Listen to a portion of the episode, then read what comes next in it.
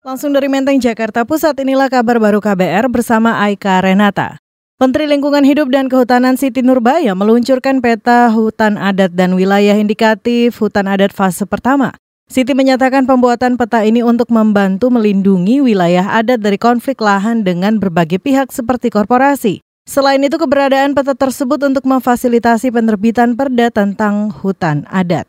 Ini kita menyelesaikan banyak hal juga sih dan bahwa perhutanan sosial secara umum termasuk yang ini hutan adat itu sudah membantu mereduksi konflik. Itu sebabnya kenapa yang indikatif pun saya bilang sama Pak Dirjen ini dipetakan saja karena untuk memblok interest-interest lain sebagai sumber konflik gitu loh. Ini eh, kombinasi cara bekerja aja, tapi tujuannya ya pasti untuk mengatasi konflik primordialnya, paling tidak mengurangi sumber konflik, cari jalan keluar untuk penyelesaian. Saudara peta hutan adat dan wilayah hutan adat indikatif fase pertama ditetapkan seluas lebih dari 470 ribu hektar. Penetapan ini berdasarkan surat keputusan Menteri LHK yang diterbitkan pada 29 April lalu. Selanjutnya pemutakhiran dalam peta dilakukan secara berkala dan kumulatif tiap tiga bulan sekali.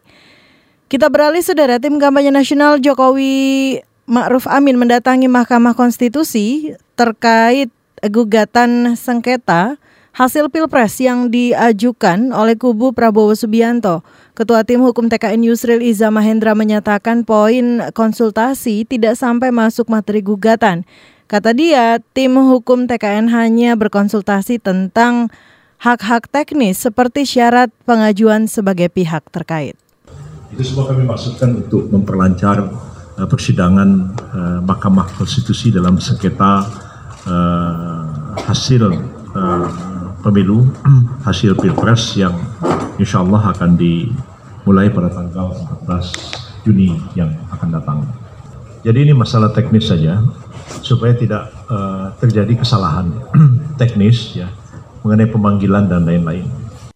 Selain Yusril, anggota tim hukum TKN yang hadir adalah Arsul Sani, Ade Irfan Pulungan, dan Juri Ardiantoro. Arsul menyatakan hasil konsultasi akan didiskusikan dalam rapat di TKN. Selanjutnya TKN akan mengajukan permohonan sebagai pihak terkait ke MK. Kita beralih saudara politikus Partai Gerindra, Permadi Satria Wiwoho kembali diperiksa penyidik Polda Metro Jaya dalam kasus dugaan makar.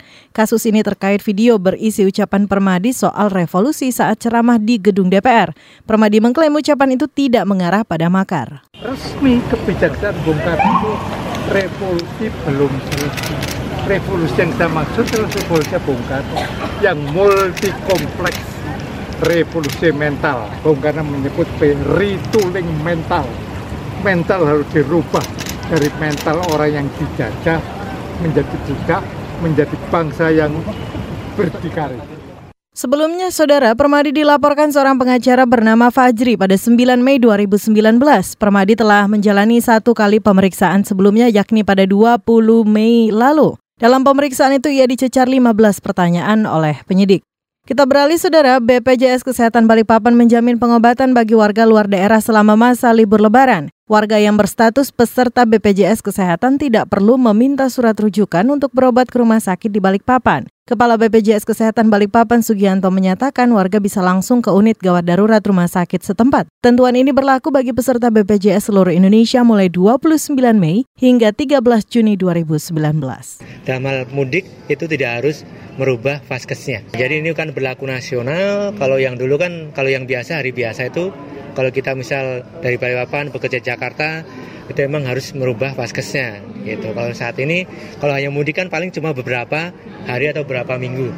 Jadi tidak perlu nanti silakan uh, dan ketika di bulan apa lebaran itu kan banyak yang instansi yang tutup Nah itu nanti bisa kita memang kalau memang sangat dibutuhkan langsung ke UGD itu bisa diterima. Kepala BPJS Kesehatan Balikpapan Sugianto menyatakan warga yang ingin mendaftar pada libur lebaran akan tetap dilayani lewat mobile JKN selama 24 jam. Hanya saja bagi peserta mandiri BPJS Kesehatannya baru bisa aktif setelah 14 hari. Kantor BPJS Kesehatan Balikpapan akan tetap buka pada 3, 4, dan 7 Juni mulai 9, pukul 9 hingga 12 waktu Indonesia Tengah. Demikian kabar baru dari kantor Berita Radio KBR, saya Aika Renata.